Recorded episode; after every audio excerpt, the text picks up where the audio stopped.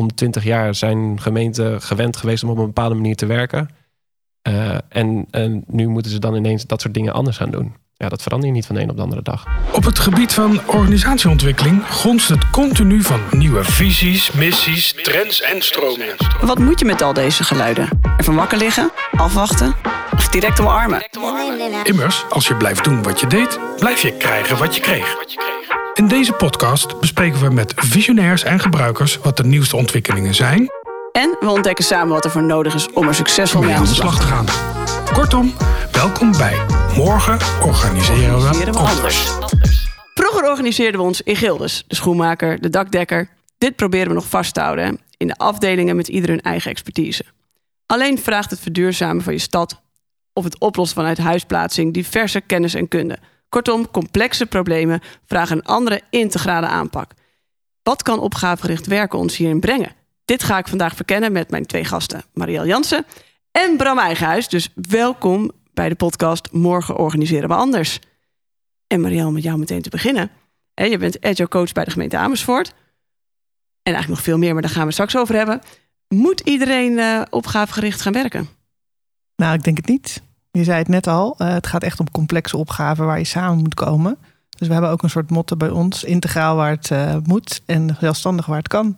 Die one-liner die kunnen we meteen gebruiken. Integraal waar het moet, zelfstandig waar het kan. Bram, mijn collega Bram Eigenhuis is er ook. Jij bent mijn collega en tevens onze opgavegericht werken specialist. Wat trekt jou nou aan in dat opgavegericht werken? Ja, het is bizar complex, wat je al zei. Het is heel ingewikkeld. En gemeenten zijn sowieso hele ingewikkelde organisaties. Provincies ook, ministeries ook. Eigenlijk de hele overheid is heel ingewikkeld. En alles wat ze te doen hebben is heel ingewikkeld. En uh, ja, het is één grote puzzel om effectief te zijn op opgaven. En dat vind ik vooral heel interessant. Ingewikkeld, complex. Nou, het wordt een leuk uur. Hoe ingewikkelder en complexer, hoe beter is mijn idee. Voordat we helemaal van start gaan en ik al jullie ervaringen hoor, um, wat is opgavegericht werken? Ja, ik zie het als één grote ontwikkeling. Dus ik ben het eigenlijk ook niet eens met uh, Marielle. Wat ze zegt over dat niet iedereen opgavegericht moet werken. Ik denk dat er heel veel in zit wat heel veel organisaties heel, mooi, heel veel mooie dingen kan brengen. Um, en uh, nou, ik denk dat het een ontwikkeling is van je organisatie die op drie vlakken speelt. Dus het is een manier van denken. Dus het zit echt tussen de oren van mensen. Hoe werk je nou aan een opgave en hoe zorg je dat je daar effectief in wordt? Uh, het zit ook in de manier van werken, denk ik. Uh, er zitten andere manieren van werken die zorgen dat je succesvol bent dan wat je gewend bent in je werk te doen.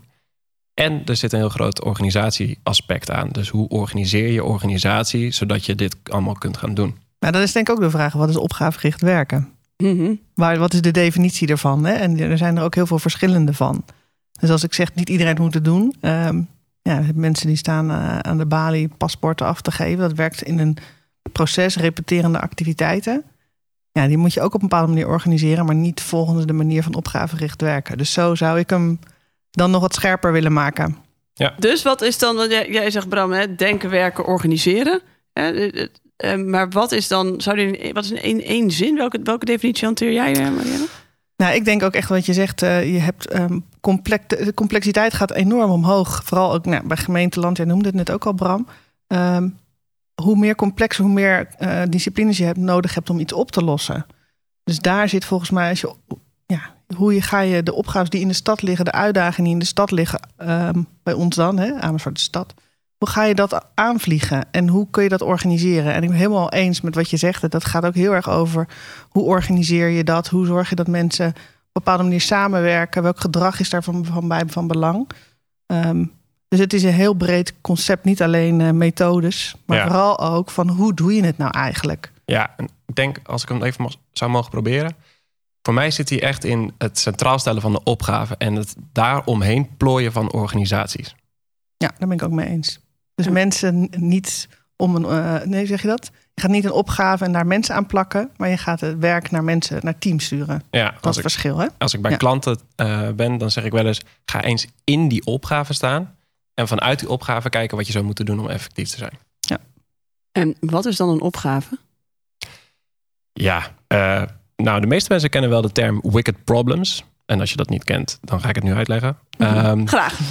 Het zijn, uh, het zijn hele grote vraagstukken. Denk bijvoorbeeld aan de woningbouwopgave. Of nou, wat je in de intro al zei, het uh, uh, terugdringen van uithuisplaatsingen van kinderen bijvoorbeeld. Dat zijn enorme grote opgaven die op een heel groot niveau spelen. Vaak ook meerdere bestuursniveaus, vaak ook breder dan alleen lokaal, uh, vaak ook regionaal of misschien zelfs nationaal. Uh, ze zijn heel complex, dus dat is denk ik het tweede kenmerk. Uh, wat betekent dat je niet zo goed weet hoe het een en ander met elkaar samenhangt. Een voorbeeld is dat je de ene interventie pleegt, daar volgt wat uit en daarmee verandert eigenlijk ook weer meteen het vraagstuk. En dat is denk ik ook het derde element. Het is heel veranderlijk. Dus op het moment dat je interventies pleegt of dat je oplossingen aandraagt of dat er nou ja, andere gebeurtenissen zijn, dan is je vraagstuk ineens alweer veranderd en dan heb je alweer een andere opgave voor je liggen. Complex, groot, eh, veranderlijk. Je noemt al een paar voorbeelden. Uh, is het dan, want we hebben het in deze podcast, hè, organiseren, hoe organiseer je morgen? Um, oftewel, morgen organiseren we anders. Um, wat is daar dan anders aan hadden we twintig jaar geleden, om maar eens wat te noemen, ook niet dit soort complexe vraagstukken? Nou, ik denk dat je nu al kijkt, zeg maar, als, hè, hoe, hoe het georganiseerd is binnen de, binnen de gemeente, zoals ik het ervaren heb. Is dat je um, mensen zijn eigenlijk werkzaam op een dossier. Je bent verantwoordelijk voor een heel klein stukje binnen een heel groot domein al. Uh, en je ziet dat het vraagstuk al over domeinen heen gaat. En dat je veel meer um, wil dat mensen niet meer van hun eigen dossier zijn, maar van veel breder kunnen kijken van wat hebben we nou te doen met elkaar. Ik denk dat wat jij bedoelt in die opgave gaan staan. Waar lopen we nou tegenaan? En wat, wat en wie, wat, voor, wat hebben we dan nodig om dat te fixen? En ik denk dat de snelheid en de complexiteit wel echt enorm omhoog gaat. Ook doordat hè, mensen in de stad of mensen, eh, de, de mensen voor wie het eigenlijk doet, uh, dat die ook steeds mondiger worden en steeds meer informatie hebben.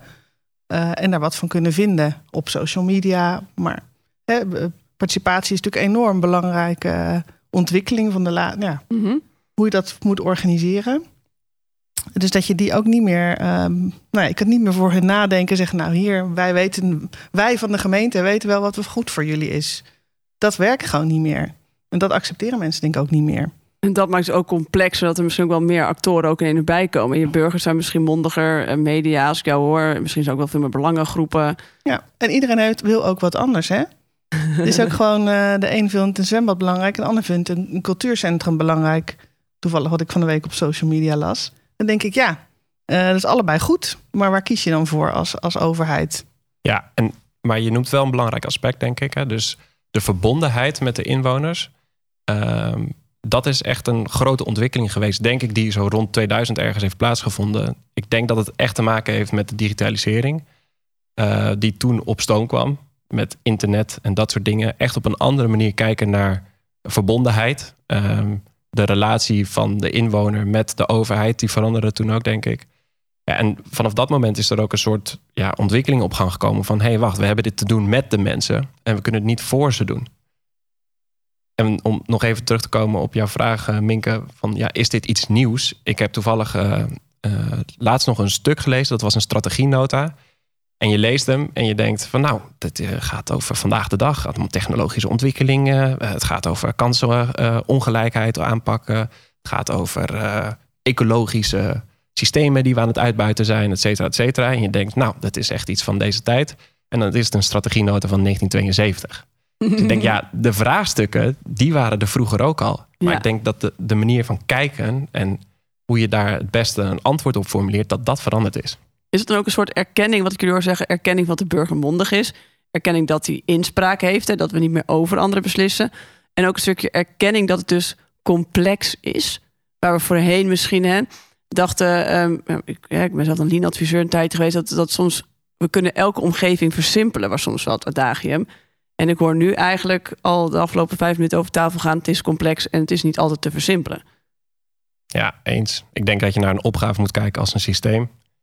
En systemen zijn heel complex. En dan gaat het over de interactie tussen de dingen die daarin spelen. En dan gaat het over wat dat dan weer allemaal voor veranderingen oproept. Ik denk die kijk, uh, dus niet meer uh, de kijk van oh, we kunnen vanuit onze toren bepaalde oplossingen aandragen en dan lossen we het op. Ja, ik denk dat dat veranderd is. Dat is denk ik de wens die we zouden willen of zo. Hè? Want het is denk ik wel mens eigen om, ik zeg, denk ik, een beetje plat te slaan en um, snel in oplossingen te gaan denken. Dat is makkelijker. Want ja, die complex, eigenlijk moet je het omarmen. We zeggen we, hè, gewoon accepteren dat het complex is. En dat vinden mensen wel heel ingewikkeld. Want je wil eigenlijk ook ja, voor je gevoel voortgang maken. En door te zeggen, ja, we weten het eigenlijk niet, hè, want het is, het is complex en veel. ja, dat, vinden, dat is best wel eh, ingewikkeld. Ja. ja. Accepteer je het zelf, hè? we zijn zelf ook burgers. Accepteer je het dat als jouw gemeente waar je woont of je overheid zegt: we weten het niet? Kijk naar corona en de aanpak van de hele overheid daarin. Iedereen vroeg om een routekaart, om, om Ja? duidelijkheid, om helderheid, om pasklare oplossingen. Ja, die waren er gewoon niet. Ja. We wisten niet wat er allemaal ging gebeuren. We wisten niet hoe corona zich zou gedragen. Wat het deed met de samenleving. En ondertussen wordt er wel van de overheid verwacht: van ja, help me op gang en eh, vertel even hoe de komende tijd eruit gaat zien. Ja. en je ziet ook wel overheidsland. Achteraf wordt dan gezegd van ja, maar je had het zus en zo moeten doen. Ja, de koe in de kont kijken is natuurlijk niet ingewikkeld. Dat kan iedereen. Eh, en dan is het ook wel weer lastig om wel stappen te gaan zetten. Dat kan je ook wel weer wat nou ja, bevriezen. Ja, Ehm, van ja, stel je voor als ik nu deze eh, onbekende stap neem en het pakt niet goed uit, wat krijg ik dan misschien politiek gezien over, over, over me heen gegooid? Ja. Dat is wel de ingewikkeldheid van overheidsland, denk ik. ja, en de gevoeligheid ook wel. Want Precies. ja, weet je, als je wethouder bent van een gemeente ehm, en je weet het niet, of eh, je zegt van nou, we gaan aan de slag met die opgave, maar we weten niet zo goed hoe we het gaan doen.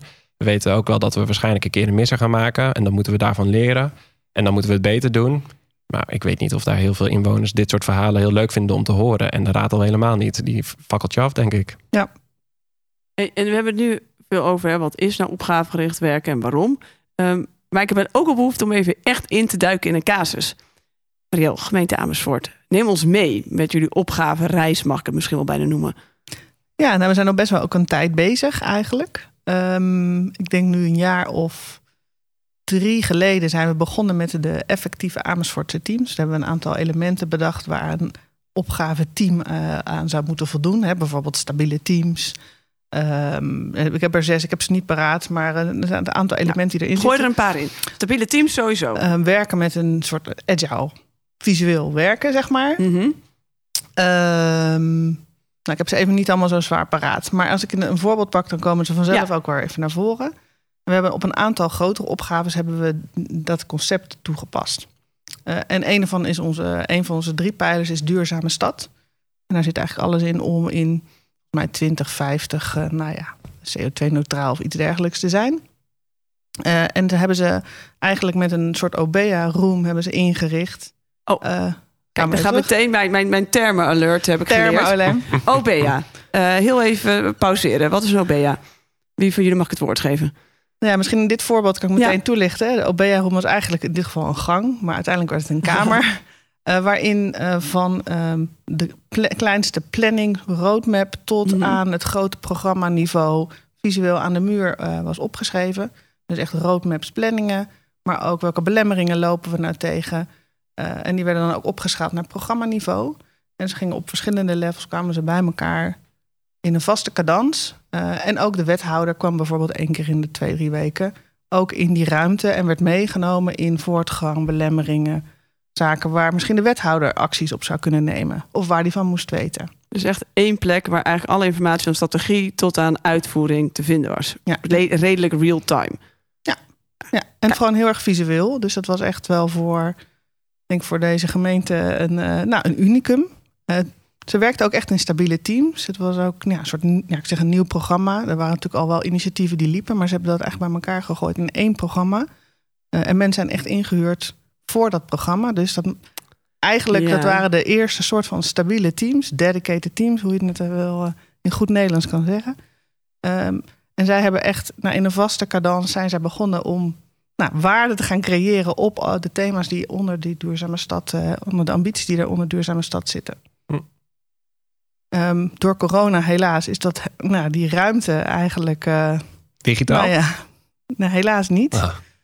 Nee, je ziet wel toch hè, digi- de digitalisering. Misschien dat we nu wat meer tools hebben om dat te doen. Maar nou ja, 2020 was dat volgens mij. Hè, was dat eigenlijk. eh maar wel blij dat we met elkaar konden bellen, zeg maar. Dus dat was er eigenlijk gewoon niet. Hm. Dus dat is wel verwaterd. En nu zie je weer ehm behoefte van die, van die groep. Van we willen eigenlijk weer gewoon lekker met geeltjes plakken. En we willen dit weer gewoon visueel en het liefst ook gewoon eh, fysiek gaan doen. Je noemde hem de, de, de duurzame stad. Was dat dan de opgave waarmee jullie dus echt aan de slag gingen? Ja, we hebben er wel meer gehad, maar dit was wel echt een hele grote. Dus we hebben vanuit ons coalitieakkoord van de vorige Ja. coalitie zaten drie pijlers en één daarvan was duurzame stad. Hebben de andere twee pijlers ook op een vergelijkbare manier aangepakt? Of was echt de duurzame Eh, stad uniek? Nou, we hebben daar wel eh, opgaves geïdentificeerd. Woningbouw is ook een grote. Ehm, dus, en die werkte al, eh, nou ja, ik zeg maar scrummig. dus die hadden wel een aantal principes. Dus die werkte ook vaak veel visueel. Maar zat wel nog wat meer in de meer programmamanagement eh aanpak. Dus daar zie je het ook wel, maar niet zo, niet zo vol als het gebeurt bij Duurzame Stad eigenlijk. En die konden ook min of meer wel een beetje gewoon van nul af beginnen. Er was wel Ja. heel veel aan de gang al. Maar de woningbouwopgave was gewoon al een soort denderende trein.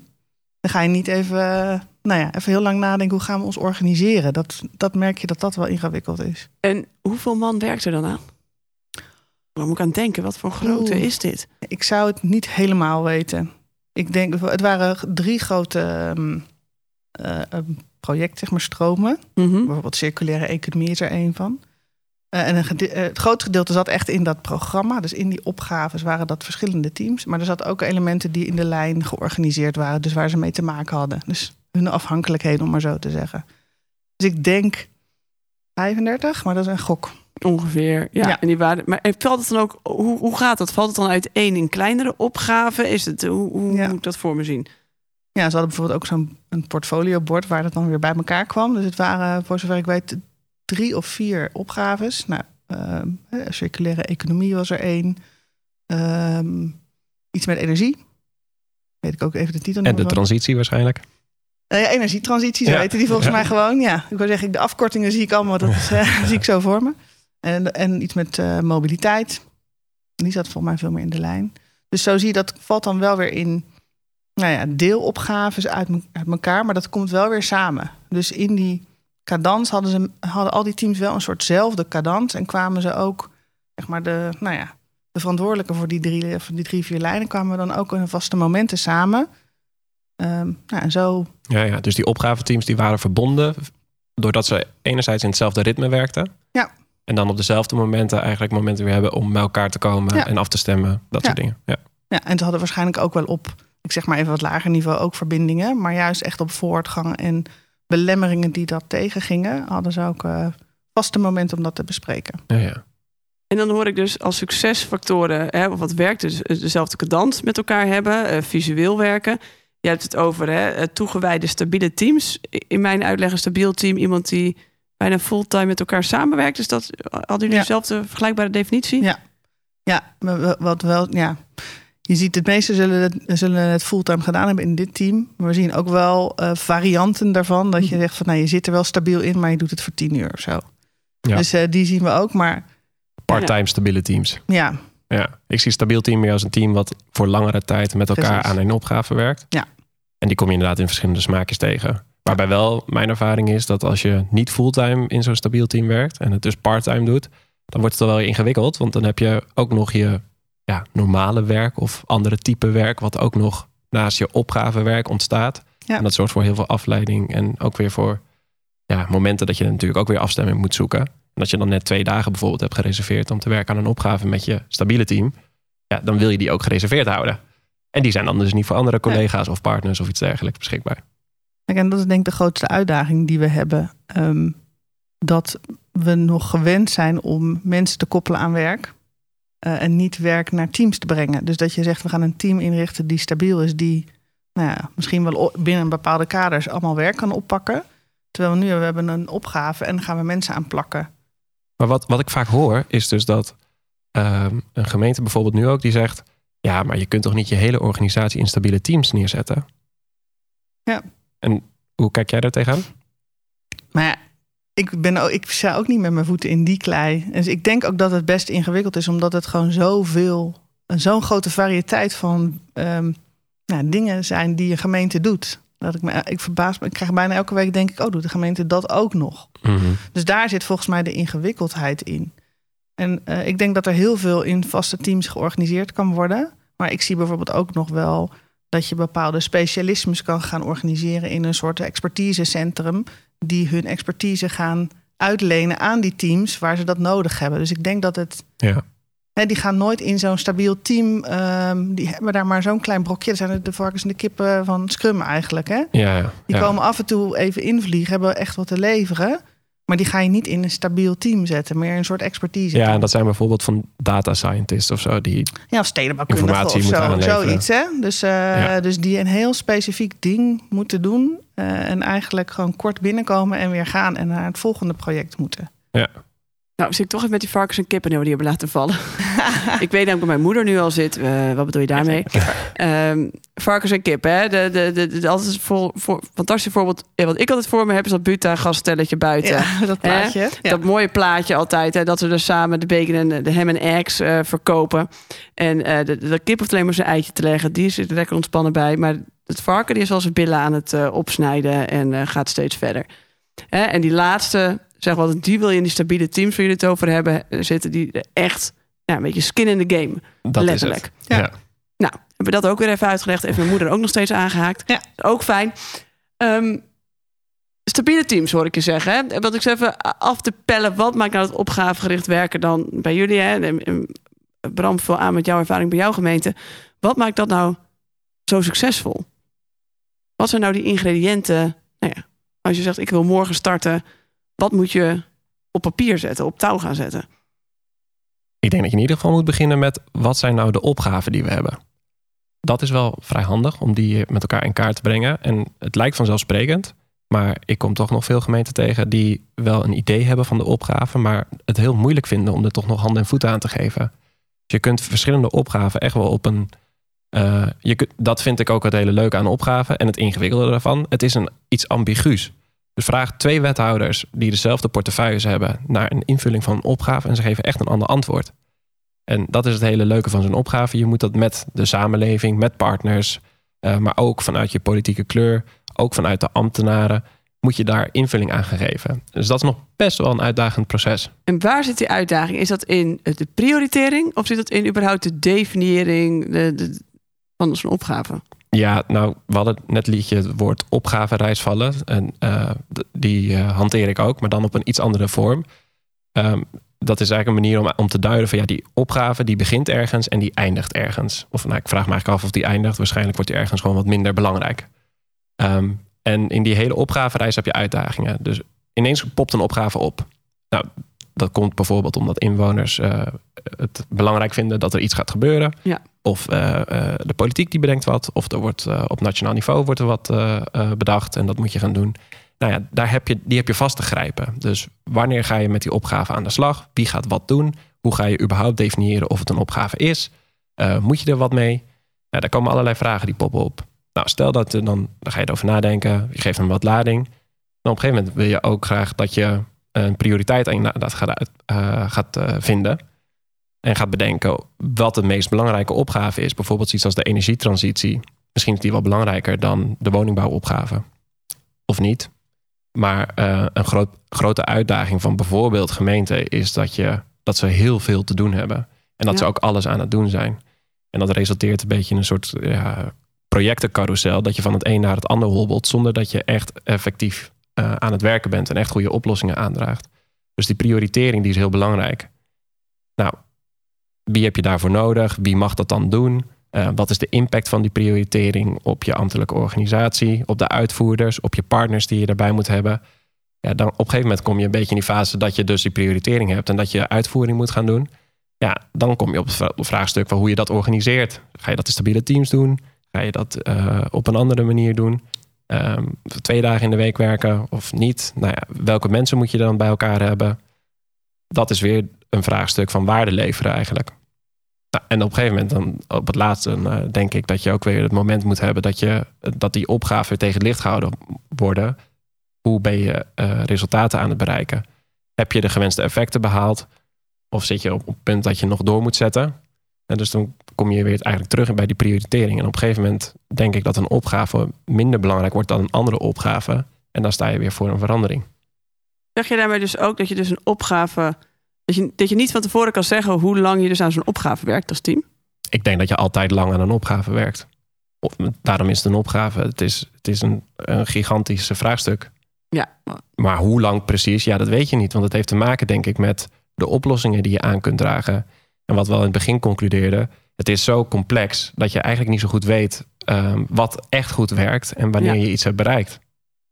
Ja, de complexiteit wordt eigenlijk nog groter, omdat het opgave ehm, staat ook weer niet los van wat er nog verder gebeurt.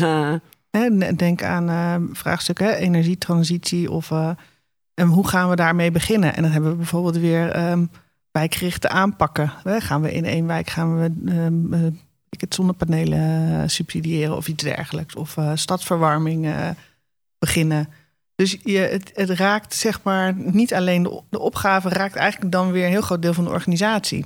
En hoe ga je Hè, want ik volg je verhaal helemaal, maar in de praktijk, het is zo ontzettend ingewikkeld om gewoon aan de voorkant al te zeggen: wat is nou die opgave? En hoe gaan we hem dan in het geheel eigenlijk, hè, dus met alle andere dingen die we te doen hebben, goed beetpakken, zodat we ook niet overal, hè, we hebben wel eens idee, of voorbeelden van gaan we in één wijk en dan komen er vijf of zes ambities, worden in één zo'n wijk gestopt dan stagneert het gewoon helemaal. Omdat dan eigenlijk het nooit op al die vijf ambities niet goed kan doen.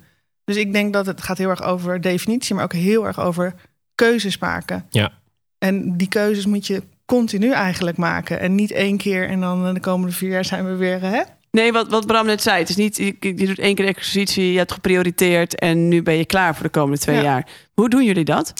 Nou ja, dat is gewoon heel ingewikkeld. Ja dus dat is niet een pasklaar antwoord. En daar zijn we heel erg zoekende ook in, denk ik. Van hoe kunnen we dat nou goed doen? En de behoefte ligt er ook echt heel duidelijk dat, om dat te doen.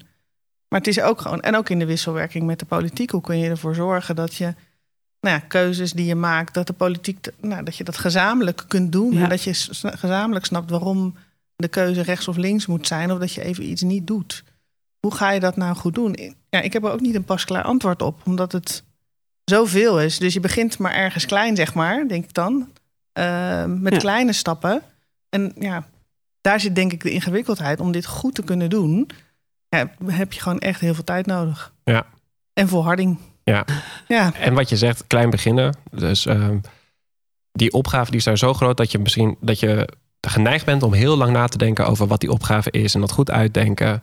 En echt een volledig begrip hebben van ja, wat is het nou wel en wat is het niet. Maar ja, dan kom je weer op dat aspect van die opgave die verandert. Uh, en vaak is het ook nog urgent en heb je helemaal niet heel, veel tijd om er uh, goed over na te denken, of om er lang over na te denken in ieder geval. Dus begin, want tijdens het werken aan die opgave vormt die zich ook. En die, die korte lijntjes bijvoorbeeld naar de politiek, wat je zegt, Marielle. Ja, die zijn denk ik heel belangrijk, omdat je ook bijvoorbeeld met de verantwoordelijke wethouder, en dat zijn vaak ook meerdere wethouders natuurlijk, want het is een opgave en die zijn heel groot. Um, Ehm, dat je daar samen mee de opgave vormt en formuleert: dit is het wel en dit is het niet. En daar kom je ook achter door aan de slag te gaan. De valkuil is dat je misschien ook wel te lang bij de definitiefase blijft, hoor ik jullie zeggen. Ja, daar moet je wel voor oppassen. En tegelijkertijd is het niet goed, denk ik, om maar gewoon te beginnen met een opgave. Zonder dat je ook maar enig idee hebt van wat daar dan onder valt. Nou, maar het is ook wel mooi om te zien. Hè? Als je nu kijkt hè, naar corona is een goed voorbeeld. Maar recentelijk nu heel de situatie rond de vluchtelingen vanuit Oekraïne. Mm daar zit nou, gemeente, volgens mij landelijk ook, maar van gemeenteland heb ik het dan wat meer in beeld. Als je ziet wat daar moet gebeuren. En eigenlijk, dat is een soort crisissituatie. En eigenlijk werk je dan al op de manier zoals je het zou willen. Je gaat maar aan de slag, want je hebt gewoon acuut een issue wat je meteen moet aanpakken. en, en tegelijk... gedurende de weg ga je hem structureren. denk je, oh, maar als ik dit ga doen, heb ik eigenlijk nog wel die partij ook nodig. Nou, dan moeten we die aanhaken. En dan na een aantal weken eigenlijk weer even een soort pas op de plaats moeten maken. Van wat hebben we hier nou? Hè, wat voor soort vorm hebben we hier nou? Is dit wat werkt? Missen we nog wat? En dan ook gewoon continu eh, eh, eh toch een moment pakken om even te reflecteren van hoe het gaat. Dus je begint eigenlijk wel, want je moet. Ja. En je gaat niet heel lang nadenken over hoe zullen we het nou eens gaan doen. Dat wil je eigenlijk niet. Maar zo'n crisisorganisatie vind ik wel. Dus dit vind ik ook wel het voorbeeld van wat je niet wil in een, in, bij de overheid bijvoorbeeld. Um, want er worden gewoon mensen overal vandaan getrokken om hier nu op te handelen en dingen te organiseren. Dus er vallen een heleboel andere projecten en prioriteiten die vallen nu gewoon stil, omdat dit ja, nu mhm. even belangrijk wordt gevonden. Dus hier heb je weer een beetje dat uh, grijpmachine-effect, noem ik dat dan. Ja. Uh, er wordt even iets anders belangrijker gevonden. Dus Bob, we trekken weer overal mensen uit de organisatie. Maar wordt wel gekozen. En dat is eigenlijk wat er anders dus niet gebeurt. En daar zit denk ik, bedoel ik het eigenlijk... dus ik ben met je eens, je moet natuurlijk niet... Uh, er wordt eigenlijk impliciet gekozen, ook hierbij. Uh, maar wel gekeken, wat kan er nu even stoppen? En dat wil je gewoon eigenlijk in een vaste cadans met elkaar doen. Dit is het pakket wat we nu hebben. Zijn we met de juiste dingen bezig? Komt er iets nieuws binnen? Hoe belangrijk is dat? Ja. Eh, en, Dat proces, ja. en dat, Ja. moet je, dat is eigenlijk iets wat nog ingericht moet worden volgens mij. Mensen bij ons. Ja. Ja. Ja, en ik vind het ook wel grappig wat je hoort. Zeg, ik weet van een gemeente, eh, die hebben juist met, nou, met alle Oekraïnse vluchtelingen die kwamen. die- dus ze, hebben, ze hebben gewoon in hun gemeente een stuk of twintig mensen die staan reserve. Dat is dus ook gewoon je functie. Dus je, hebt, je bent gewoon projectassistent, projectleider. Maar je weet ook dat zodra er een crisis, crisis komt, ben je weg. Alleen, ik zat met dat projectteam waar dus drie mensen weggetrokken werden.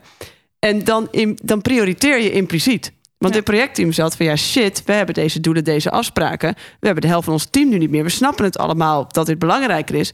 Maar herdefiniëren wij dan wel weer wat, wat wij te doen hebben. En dat, ik weet niet hoe wat jullie ervaring is, maar ik merkte bij deze gemeente dat dat stukje ontbrak. Dus eigenlijk gewoon dat je met z'n allen, nou misschien in die OBA-ruimte gaat staan. Ik weet niet hoe, hoe groot jullie gang is. Ehm, ja, maar ongeveer dat. Hè, dat je met elkaar schoonscherp zegt van oké, vluchtelingen komen, dit team. En misschien moet je zelfs wel een stabiel team altijd in reserve hebben. Dat je zegt, dit hele team stopt. En dit hele team gaat daar naartoe. Of zeg ik nu iets heel geks in jullie ogen? Nou, ik zou wel explicieter kiezen. Dat ben ik met je eens. En dat kun je volgens mij wel snel doen, zeg maar. Eh, en dat gebeurt denk ik ook, maar dan wat minder in nou ja, wat je in een OB bijvoorbeeld zou doen, waarbij allerlei partijen betrokken zijn. Dus dan wordt het misschien één op één. Ik dacht van, nou, we kunnen die wel even vrij spelen nu en zo. Hebben jullie wel eens meegemaakt dat het gewoon een opgave is stopgezet omdat iets anders een hogere prioriteit kreeg? Nee, heb Nee. ik nog niet gezien. Nee. Een project wel? Maar ik moet ook eerlijk zeggen, ik heb in mijn ervaring ook nog heel weinig meegemaakt dat een organisatie hier heel bewust en heel georganiseerd mee aan de slag ging. Dus ja, het, het is heel vaak heel impliciet wat er gebeurt. Wat maakt het zo lastig? Of om dat georganiseerd te doen? Of, of andersom gevraagd, wat maakt het zo fijn om het impliciet te doen? Ja, goede vraag. Ik denk. ehm, nou, ik denk eh, fijn. Ik, wat in ieder geval een oorzaak, denk ik, is, is dat, je, dat veel mensen die hier keuzes over maken, niet het overzicht hebben. Dus die zien niet wat de impact is van bijvoorbeeld Oekraïne die binnenkomt vallen. En vluchtelingen en, en of asiel. Wat je daarvoor moet regelen. Mhm. Eh, en nou ja, dat moet je doen. Dus je gaat het ook meteen doen. Maar je, je, je ziet niet wat het voor impact heeft op de rest van de organisatie. Dus dat visueel maken, denk ik, ja, dat is een, absoluut een sleutel. En veel organisaties die hebben dit volgens mij niet in het snotje wat het dan voor impact heeft. We hebben nog helemaal niet over gehad. En dat had ik misschien aan het begin moeten vragen. Want ik zit ook nog in mogen, wat is dan een project? En wat maakt een opgave anders dan gewoon de ouderwetse projecten?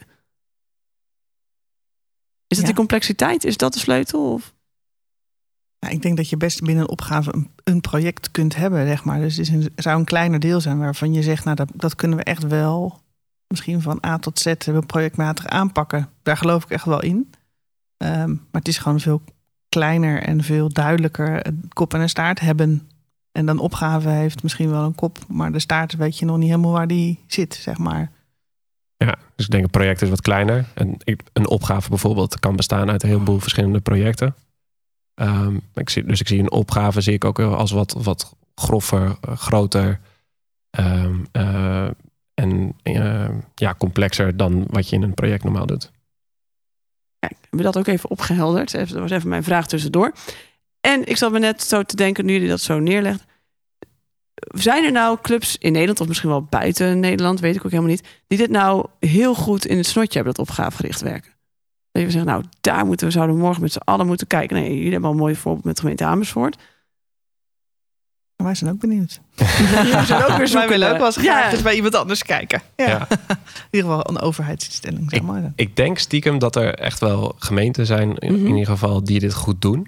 En eh, ik vind het ook, eh, ja, ik, denk oprecht dat veel organisaties dit misschien ook impliciet al op een leuke manier aan het doen zijn. Maar ik kom gewoon heel veel organisaties, ja, wij worden ingehuurd als het juist niet zo goed gaat. Dus ehm, ik heb nog niet echt de organisatie gezien waarvan ik zeg van, nou weet je, als je echt wil leren hoe je opgavegericht werken nou in de praktijk brengt en eh, hoe ze daar een 9 voor scoren, dan moet je daar gaan kijken. Dat, die heb ik zelf nog niet eh, voorbij zien komen. Maar ja, ik heb wel veel verschillende voorbeelden gezien van hoe je het ook kunt doen en hoe dat beter ging dan daarvoor. Ja, maar dat is ook wel leuk. Wat is nou, eh, wat gaat er dan beter dan daarvoor? Want daarvoor was het ook soms complex. Ja, nou ja, kijk, bijvoorbeeld bij een gemeente waar ik heb gewerkt, daar was eh, de opgave ehm, verspreid over, nou, het waren volgens mij 16 managers. Eh, die mochten dus allemaal iets vinden van eh, eh, de dossiers waar het over ging. Mhm. En dat was wonen en zorg. Ja, wat ze daar uiteindelijk hebben gedaan, is dus gewoon de mensen die daar iets van, die, die daar iets mee konden doen, of die daar dus iets van afwisten, die hebben ze bij elkaar in een team gezet. En hebben ze gewoon gezegd: jullie gaan 2,5 dag in de week gaan jullie eraan werken. Ehm, en dat zorgde er al, alleen dat al zorgde ervoor dat er focus kwam op die opgave. En dat het niet meer wachten was totdat Pietje of Marietje tijd had om met jou samen aan dit, deze opgave te werken. En wat ik daar ook een heel mooi voorbeeld vond, was dat er een hele directe lijn was met de wethouder. Die, ehm, nou ja, ook weer met andere wethouders moest gaan afstemmen. En die taak ook heel serieus nam. Ehm, maar er was gewoon een, een afstemming tussen de opgavetrekker, zoals we dat daar noemden, en de wethouder. En zij hadden met elkaar, als er uitdagingen waren of problemen, ja, dan bespraken ze dat en bedachten ze na over oplossingen. En dan kon het team dan weer mee aan de slag. Dus je had ook wat lager eigenlijk tussenuit. De wethouder zit direct op zo'n team.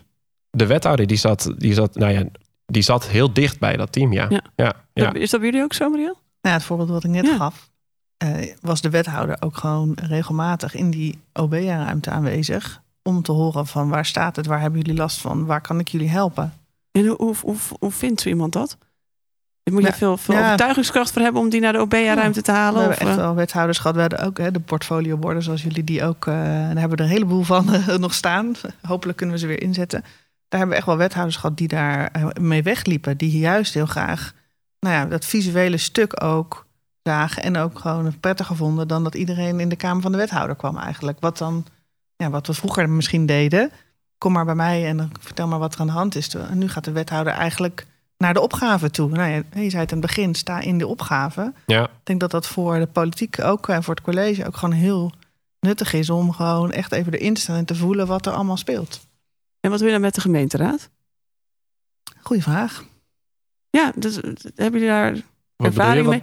Nou ja, ik bedoel, de wethouder, die, dat je die erbij haalt, hè, dat, dat, dat, nou, dat vind ik logisch. Maar ik, wat jij net ook aan het begin zei, Marielle, van je hebt een hele gemeenteraad. Die hebben ook allemaal meningen over zo'n opgave waarschijnlijk. Want als het complex en urgent is, eh, zullen meer mensen wat over bedenken.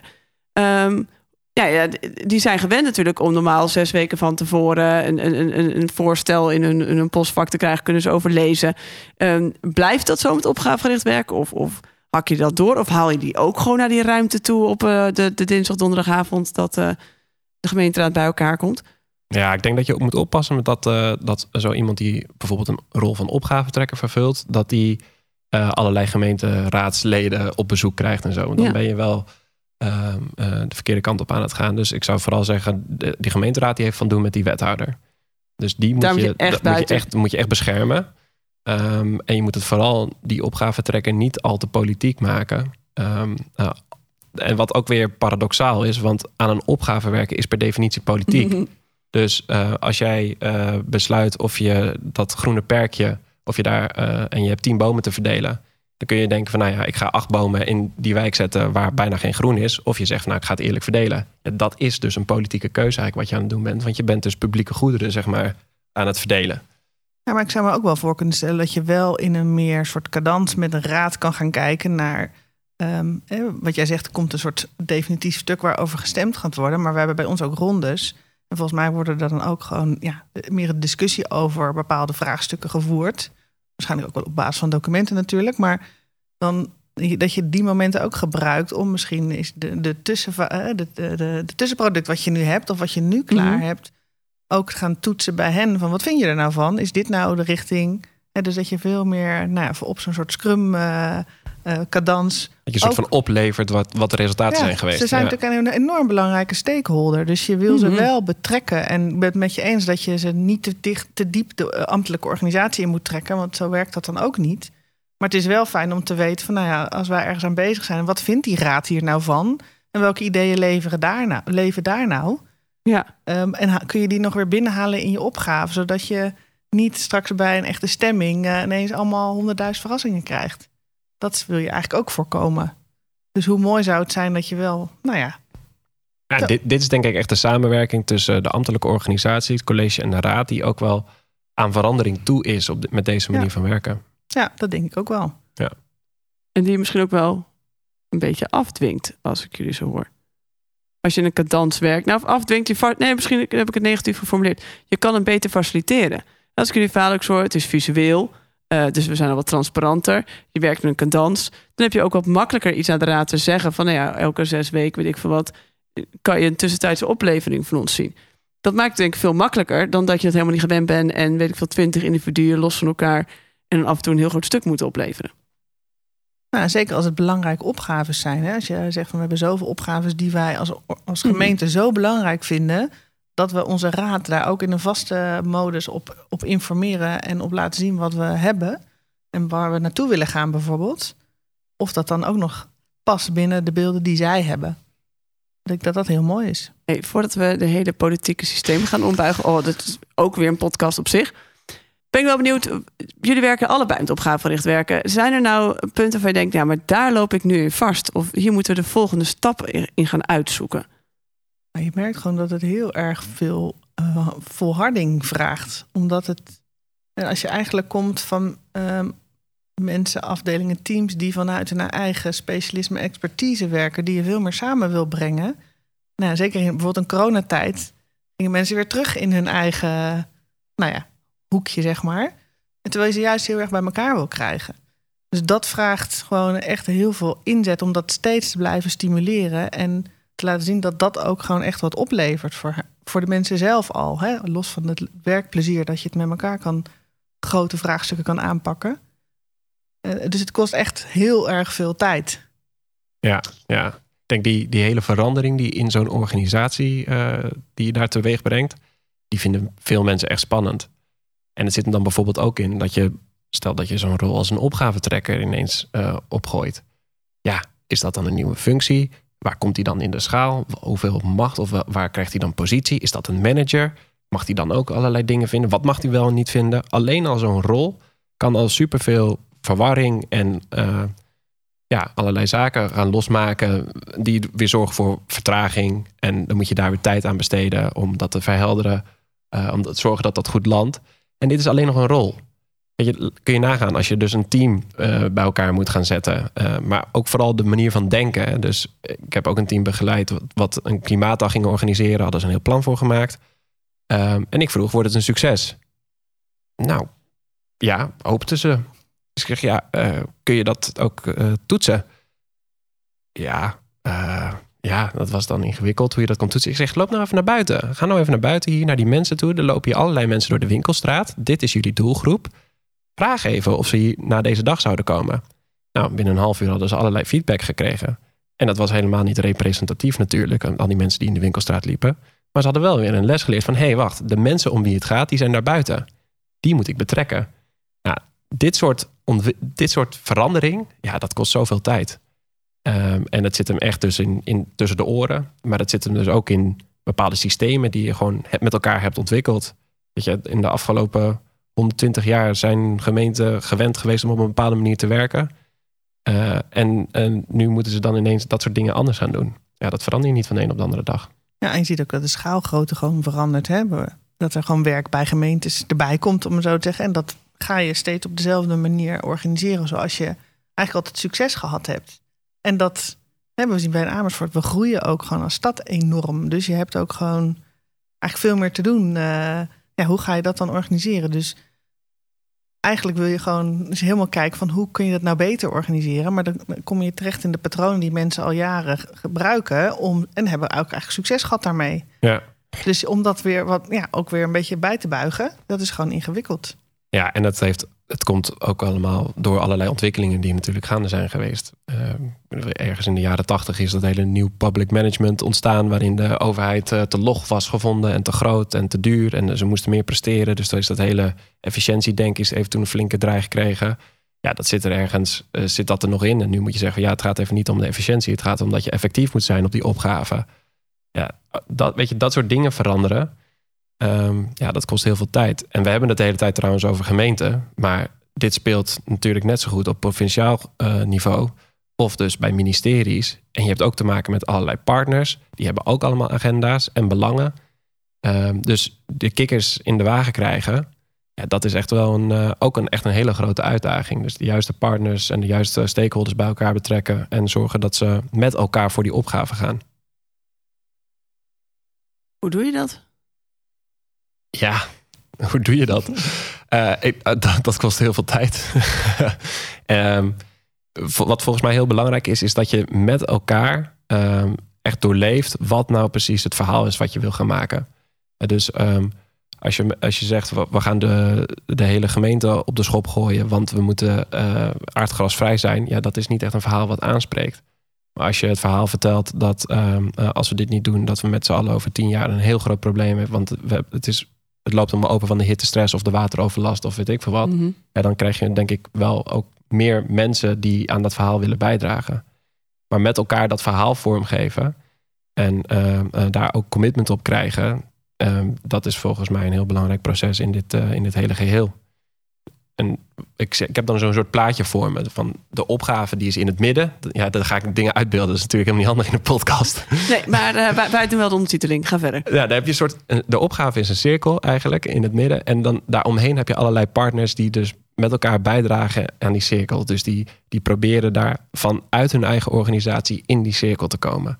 Bram is heel druk zijn vingers allemaal naar het midden aan het sturen. ja, dus, dat is heel ingewikkeld. Dus, um, want je bent vanuit je eigen organisatie aan het vertrekken naar die cirkel, naar die opgave. Maar dat zou je volgens mij willen omdraaien. Dus vanuit die opgave, met elkaar in die opgave gaan zitten. En dan gaan werken aan die opgave. Ja, dat vraagt ook echt om een andere manier van, dus van organiseren. Want ben je dan nog van de gemeente? Ben je dan nog van uh, ja. bijvoorbeeld van een een of andere uh, uh, van, een, van een partnerorganisatie? Ben je dan nog inwoner? Ja, het maakt eigenlijk niet zoveel uit. Je bent van de opgave. Ja. En dat is ook wat jij bedoelde met in de opgave gaan zitten. He, dus niet dat, dat we misschien nu hebben dat van we hebben een complex probleem. We halen uit allemaal teampjes en misschien wel allemaal maatschappelijke organisaties en et cetera. Halen we er allemaal wat heen. En soms zijn die ook nog soms aangehaakt en soms niet. He, die stabiele teams blijven heel erg bij me hangen. Eigenlijk wil je dat. Je zit in de opgave gewoon met elkaar. We hebben samen deze boot naar voren te roeien. Ja, ja ik vind het dus een heel uh, gaaf idee dat bijvoorbeeld de overheid als een soort durfinvesteerder zou kunnen zijn van zo'n opgave. En dat je mogelijk maakt dat mensen in de opgaveorganisatie, whatever that may be, gaan werken aan de opgave. En die krijgen geld, die krijgen autonomie en die krijgen het vertrouwen dat ze de juiste dingen gaan doen voor die opgave. Dus een complex probleem. Je pakt daar mensen vanuit, hè, bijvoorbeeld stel ik werk bij de provincie, ik heb een complex probleem. Zeg jij niet zozeer, je, je neemt dan misschien nog mensen aan en je zoekt alleen maar binnen de provincie. Nee, je maakt bijna misschien wel een losse entiteit op dat probleem. En daar zoek je de mensen bij. Dat zou... Die in dat probleem letterlijk, je wordt aangenomen op je probleem. Nou ja, dat vind ik, dit vind ik dus een heel gaaf idee. Ik denk niet dat het voor elke opgave dit uh, werkbaar is. Maar het idee trekt me wel erg aan. Omdat je dan ook dus het plooien van je organisatie rondom een opgave, ja, dat is dit, denk ik. Ja, ik denk dat dit wel echt een soort toekomst is. Hè? Want het gaat eigenlijk, hoe ga je over je grenzen heen steeds werken? En volgens ja. mij begint het al, wij spreken klein, als ik dan echt naar een organisatie als die van ons kijk. Begin maar eens even over de grenzen van je eigen teamafdeling te kijken. Uh, uiteindelijk wil je ook gaan kijken over de grenzen van de organisatie. Hè, dat doe je natuurlijk al. Je kunt niet uh, helemaal alleen acteren. Maar ja, je moet het ook klein gaan doen, zeg maar. Dus ik denk dat dat, uh, vooruitkijkend ja, wie heb je nodig om, uh, om succes te boeken op de ambities die je op zo'n opgave hebt geformuleerd? En sta je allemaal achter die ambities, dan kun je ook best wel, nou ja, als je in je eigen organisatie je ding aan het doen bent, want je bent niet voor niks een aparte organisatie, dat je die ambitie ook meeneemt in wat je steeds aan het doen bent. Dat die door blijft zingen ook in jouw werk, wat je doet. Dus daar zit volgens mij wel ook heel erg. Waar gaan we met elkaar naartoe? Op, deze, op dit probleem wat er in de stad leeft, bijvoorbeeld. Hoe ga, nou ja, welke ambities hebben we daar dan op? En hoe kunnen we dat vertalen naar wat je ook echt dagdagelijks te doen hebt? Want het moet ook. Uiteindelijk moet het wel concreet worden dat je er iets mee kan gaan doen, zeg maar. En daar zit ook wel de ingewikkeldheid. Hè? Je moet hem steeds blijven vertalen naar. Oké, wat betekent dan voor mij of voor mijn team? Ja. Wat ik dan vandaag ga, ga, ga doen om waarde te creëren. Dan ga ik, ik zit meteen met allemaal vragen over waardecreatie binnen de overheid, maar daar gaan we nu niet over hebben. Ik ben nog wel uh, benieuwd. Um, wat is het advies? Ik uh, werk bij de gemeente A. Ik heb heel veel complexe problemen. Um, ik weet helemaal niet hoe ik er aan moet beginnen, misschien wel zelfs. Of ik heb er een paar man op werken, maar het probleem blijft even complex en de waarde of de resultaten komen niet dichterbij. Is dat dan dat lijstje voor jou, uh, Bram? wat je net heel mooi zei, is uh, start met uh, het wat, ga prioriteren het hoe en check de resultaten. Is het zo simpel? Nou, nee. Dus, ik hou van simpele lijstjes, hè? ik, wat, wat, ik denk ik zou adviseren is, begin gewoon. En doe het ook volgens principes die passen bij opgavegericht werken. Dus um, dat is dus niet uh, het betrekken van de mensen om wie het gaat, of die, van de mensen die je nodig hebt, maar met de mensen die je nodig hebt en om wie het gaat. Um, ik denk ook dat je focus moet hebben op waarde leveren. Dus hou op met plannen maken, maar ga gewoon beginnen. En zorg dat je aan het einde van de week iets hebt opgeleverd wat, waar iemand echt iets aan heeft. Um, Zelfs op zo'n complex stuk, hè, zoals de verduurzaming van de gemeente Amersfoort, klinkt mij heel complex. Zelfs daar kan je dus binnen een week iets van waarde leveren? Ik denk dat het kan, maar het is, het is vooral wat je dus in, in je, tussen je oren moet knopen, mm -hmm. denk ik. Dus um, je bent niet ineens een hele wijk aardgrasvrij aan het maken in een week. Dat doe je niet. Maar ik denk wel dat dus je dat kan uitdagen om, uh, uh, om te werken naar dingen die voor de, waar we inwoners bijvoorbeeld echt wat aan hebben. Um, en die focus die gaat je denk ik ook wel helpen. Dus, um, en als organisatie zou ik zeggen, of als leiding van zo'n organisatie of van zo'n gemeente zou ik zeggen, heb het vertrouwen in de mensen die hier iets van weten. Dus geef ze een mandaat, geef ze vrijheid en laat ze uh, ontdekken. Um, en laat ze ook leren van wat ze aan het doen zijn. Zorg dat dat terugkomt, dat het ook de organisatie weer invloedt. Dat je mooie verhalen en mooie oplossingen, maar ook misschien wel de falen, dat je die met elkaar deelt. Dat inspireert enorm. Um, ja, en begin gewoon. Ja, ik denk dat daaraan toevoegend dat je ook voor zorgt dat er een, ik zeg het vangnet, maar dat je ruimte hebt om ook je belemmeringen, uh, je vraagstukken waar je tegenaan loopt, als je die vrijheid krijgt, dat je die wel kwijt kan. Dus daar heb je dan weer, nou ja, een escalatiekanaal klinkt heel ouderwets, maar dat je wel uh, vaste momenten hebt met degene die, nou ja, strategisch verantwoordelijk zijn, dat ja. je daar ook gewoon terecht kunt uh, als je niet verder komt. Dat problemen niet blijven hangen, maar opgelost worden. Ja, en dan wel, ja. Ik ben echt wel voor in vaste cadans werken. Ja. Um, zodat je ook weet waar, wanneer wat besproken wordt. Zodat ja. je ook, uh, en dat de juiste mensen dan ook aanwezig zijn. Want als je er dan iemand, oh ja, maar Pietje is er niet, dus we kunnen nu niet dat probleem bespreken, dan heb je er nog niks aan. Nee, is ook wel echt commitment. Ja. Hè, er weer in staan, wat, uh, wat jij zo, zo, al vijf keer hebt gezegd, Bram, maar wat mij echt heel ja. erg. Nee, maar, maar wat je toch snel hoort. Ik kom wel een keer langs, of ik vind het heel belangrijk. Ja, leuk, maar ga je er ook echt aan werken? Ja. Mooi. Hey, en kan dan opgavegericht werken, je zei al gemeente, provincie, ministeries, dat zijn de, waar we het vaak zien. Um, is het ook, ik, ik, werk bij een commercieel bedrijf. Ik heb nu al een hele tijd in deze podcast geluisterd. Uh, kan ik er ook wat mee? Ik kan me best voorstellen dat je als commercieel bedrijf gewoon ambities te doen hebt. Dus je hebt ook vraagstukken die je wil beantwoorden. Dus volgens mij gaat het daarom. Dus ik denk van wel. Ik heb ook heel lang bij een commercieel bedrijf gewerkt. Ja, ik zie niet in waarom je daar niet op deze manier kan aanvliegen van we willen iets bereiken en we gaan daar stappen in nemen en gaan we elkaar kijken of we nog steeds bij onze ambitie terechtkomen. Dat we dat kunnen volbrengen. Ja, dat kan volgens mij overal. Er zitten, er zitten elementen in, denk ik, die je kunt gebruiken. Dus wat, wat viel, wat we zien als succesfactor, ja, stabiel team bijvoorbeeld. Nou ja, als jij in een grote organisatie werkt, waarin ook elke keer allerlei mensen van verschillende afdelingen nodig zijn, waarop je moet wachten totdat ze de tijd hebben of waar de middelen allemaal verspreid zijn over de organisatie, dat je niet echt slagkracht hebt daardoor. En je, je gaat het bij elkaar organiseren. Ja, dan denk ik dat je al een, een klein element van opgavegericht werken aan het toepassen bent in je eigen organisatie. Dus um, ja, ik denk dat je als commerciële organisatie ook hier wel wat aan hebt. En ik zou het eigenlijk wel heel gaaf vinden als ook een commerciële organisatie het gaat zien als uh, een uh, plicht ook om bij te gaan dragen aan een opgave bijvoorbeeld. Ja. Dat is natuurlijk ook een trend wat je steeds meer ziet. Is dat ja. commerciële organisaties, ja, dus ze willen niet alleen maar meer geld verdienen. Of ja, die heb je vast ook wel tussen zitten. Um, maar dat motiveert niet meer. Weet je, inwoners of medewerkers die willen een gave purpose om aan te werken. Um, nou ja, een commerciële organisatie heeft dan denk ik dus ook wel heel veel winst te behalen. Als je zegt van hé, hey, we zijn er niet om geld te verdienen, maar we zijn er om gewoon bepaalde grote vraagstukken op te lossen. Um, uh, en we gaan daar op een bepaalde manier aan werken laat de complexe vraagstukken dus niet alleen maar bij de overheid liggen. Nee, dat is de essentie van opgavegericht werken. Met de mensen om wie het gaat en die ja. onderdeel zijn van de opgave. Ja, hey, ik, ik ga langzaam richting de afronding. Hè. Zijn er nog bij jullie twee misschien vragen waar jullie zelf mee zitten. Dat je denkt, ja, ik weet niet of we hem hier kunnen oplossen, maar misschien luisteren mensen die kunnen gaan helpen met de oplossing.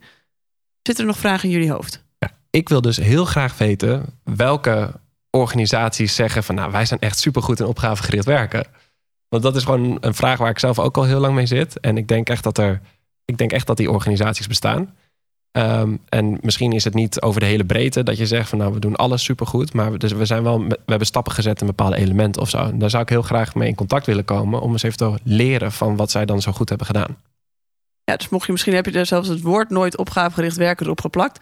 Maar als je deze naar deze podcast hebt geluisterd, alleen maar dat, hé, maar dat doen wij, dat doen wij. Dan wil jij graag uh, als meer van ze horen. Zeker weten. Nou, daar haak ik graag op aan. ja, want het is toch, weet je, in de praktijk, wij proberen natuurlijk in de praktijk, de theorie is misschien niet eens super ingewikkeld, maar ga het doen. Ja. Uh, en dat maakt het wel, uh, ik vind dat echt super ingewikkeld. Dus wij, wij uh, ik heb nog wel een paar collega's die ook in agile coach zijn. en elke keer zeggen we, ja, we weten eigenlijk ook niet zo goed waar wij heen gaan. Dus wij nemen ook maar weer een stap.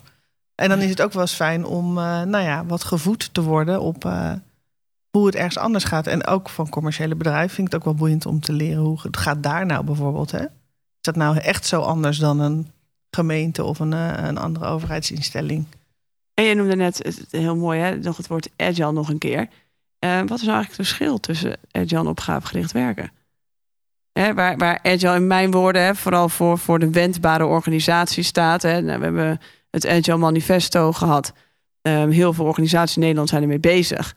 Um, is het hetzelfde? Ik, zeg, ik heb soms wel eens iemand horen zeggen... Eh, opgavegericht werken is agile werken, maar dan voor gemeenten.